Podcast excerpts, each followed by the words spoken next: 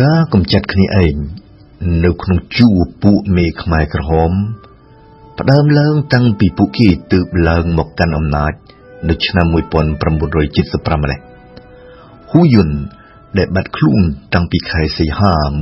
1975និងដែលប្រហែលជាត្រូវពលពតបញ្ជាឲ្យសម្លាប់ចោល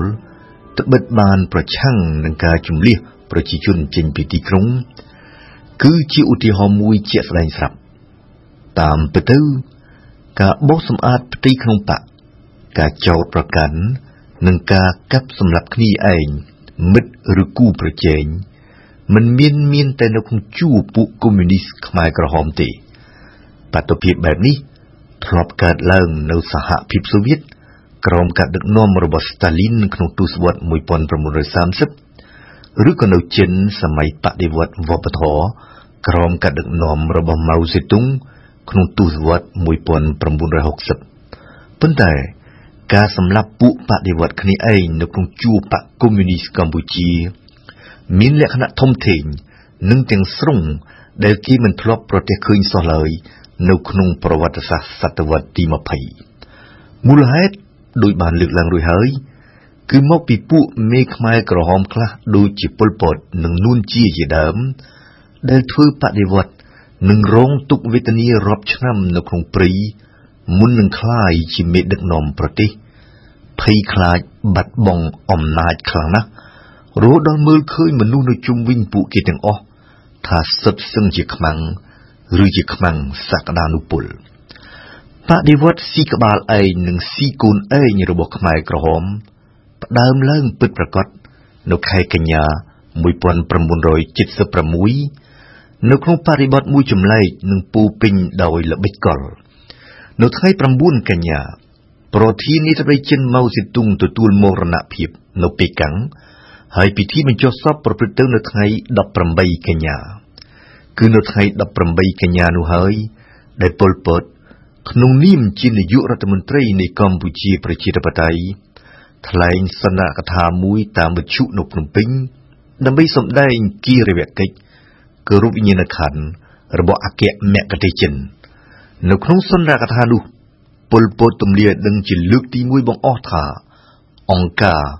ដែលកំពុងដឹកនាំប្រទេសកម្ពុជាឈរលើមាគ៌ានឹងទ្រឹស្ដី Marx Lenin មកទល់ពេលនេះពួកមេខ្មែរក្រហមពេលត្រូវនិយាយជាសាធារណៈនិងជាផ្លូវការ ប្រើតែពាក្យអង្គការមួយគត់មិនដែលលើកឡើងឡើយពីពាក្យកុម្មុយនីស Marx Lenin ឬបកកុម្មុយនីសកម្ពុជាពីរថ្ងៃក្រោយមកទៀតគឺនៅថ្ងៃ20កញ្ញា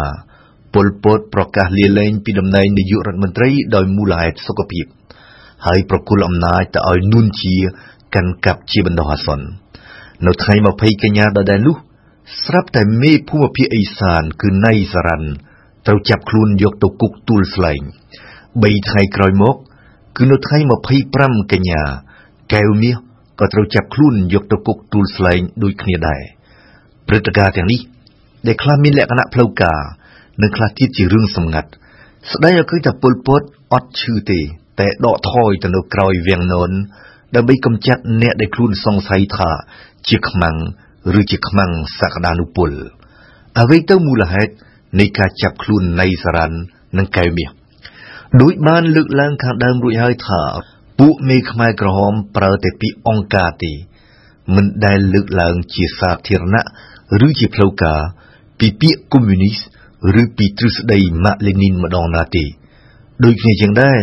ពលពតចេះតែមិនទាន់ព្រមប្រកាសជាចំហ ថាអង្គការគឺជាបកកុម្មុយនីសកម្ពុជាមូលហេតុ បើយោងទៅតាម Elizabeth Baker ក្នុងសៀវភៅ When the War Was Over គឺមកពីពលពតចង់លុបបំបាត់ឲ្យអស់រលីងសិនស្លាកស្នាម និងឫសគល់នៃទំនាក់ទំនងរវាងបកកុម្មុយនីសកម្ពុជា និងបកកុម្មុយនីសឥណ្ឌូចិនប៉ុន្តែមុននឹងប្រកាសឲ្យដឹងនៅវត្តមានរបស់បកកុម្មុយនីសកម្ពុជា ដែលជាផ្លូវការត្រូវតែលែងជំពាក់ជំពិននឹងវៀតណាមទៀតហើយពលពតត្រូវរងចាំមើលសិនថា តើថ្នាក់ដឹកនាំថ្មីនៃប្រទេសចិន ក្រោយមរណភាពរបស់ម៉ៅសេទុង នៅតែគ្រប់គ្រងកម្ពុជាប្រជាធិបតេយ្យដែរឬទេគឺនៅក្នុងបរិបទនេះហើយដែលបញ្ហានយោបាយមួយកើតឡើងនៅខែកញ្ញា1976នៅក្នុងទេសនាវដ្តីរបស់បកនៃខែកញ្ញា ស្រាប់តែមានផ្សាយអត្ថបទដ៏វែងអន្លាយមួយ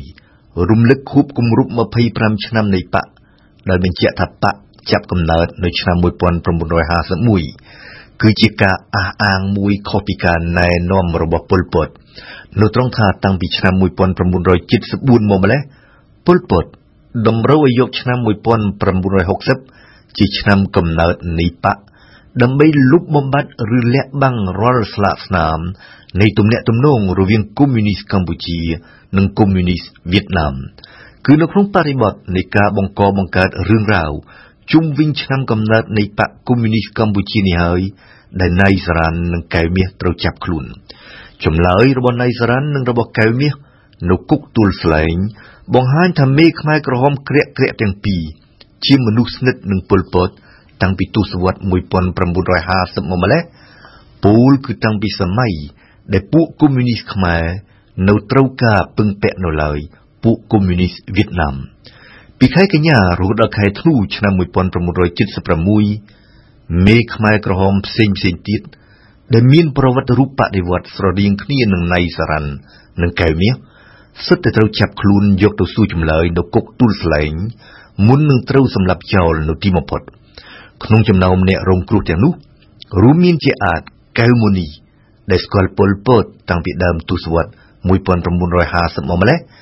និងដែលសម្រេចចិត្តទៅរស់នៅវៀតណាមនៅឆ្នាំ1954មុននឹងត្រឡប់មកកម្ពុជាវិញនៅឆ្នាំ1970ក្នុងចំណោមអ្នករងគ្រោះក៏មានដែរសៀនអាន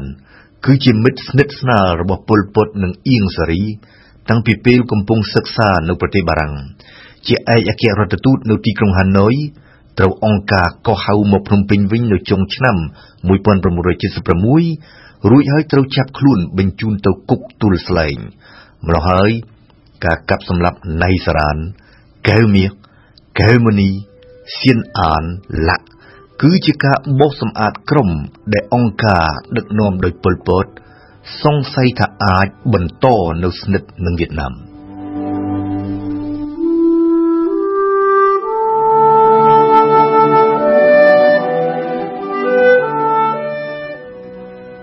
នៅឆ្នាំ1977អង្គការ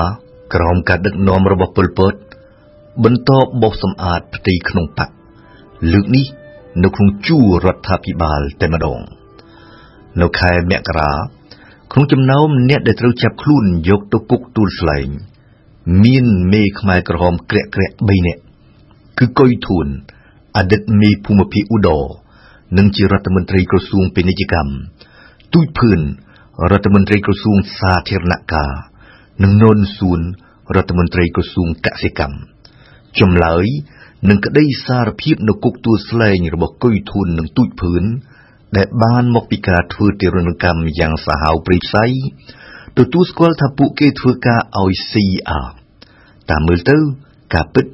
គឺមកពីកុយធួននិងទូចភឿនស្គាល់ច្បាស់នៃសារ៉ាន់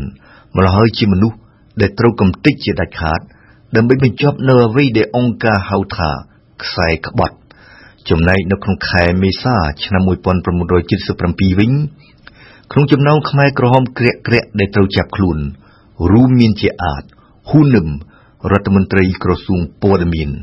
គឺជាបញ្ញវន្តម្នាក់ល្បីល្បាញមានកិត្តិយសភាពខ្លាំងនៅក្នុងទសវត្សរ៍1960ក្នុងសម័យសង្គមរាជនិយម ដូចគ្នានឹងខៀវសំផន និងហ៊ូយុនដែរមុននឹងរត់ចូលព្រៃ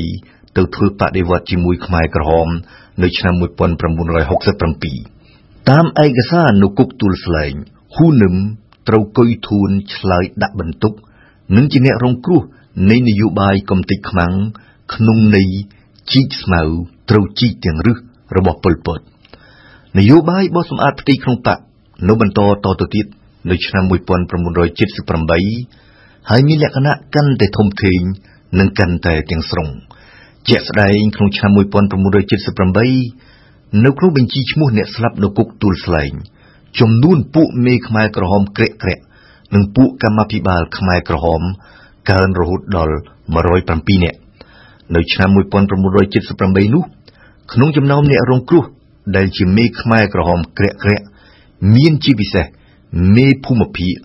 ឬអតីតមេភូមិភាគ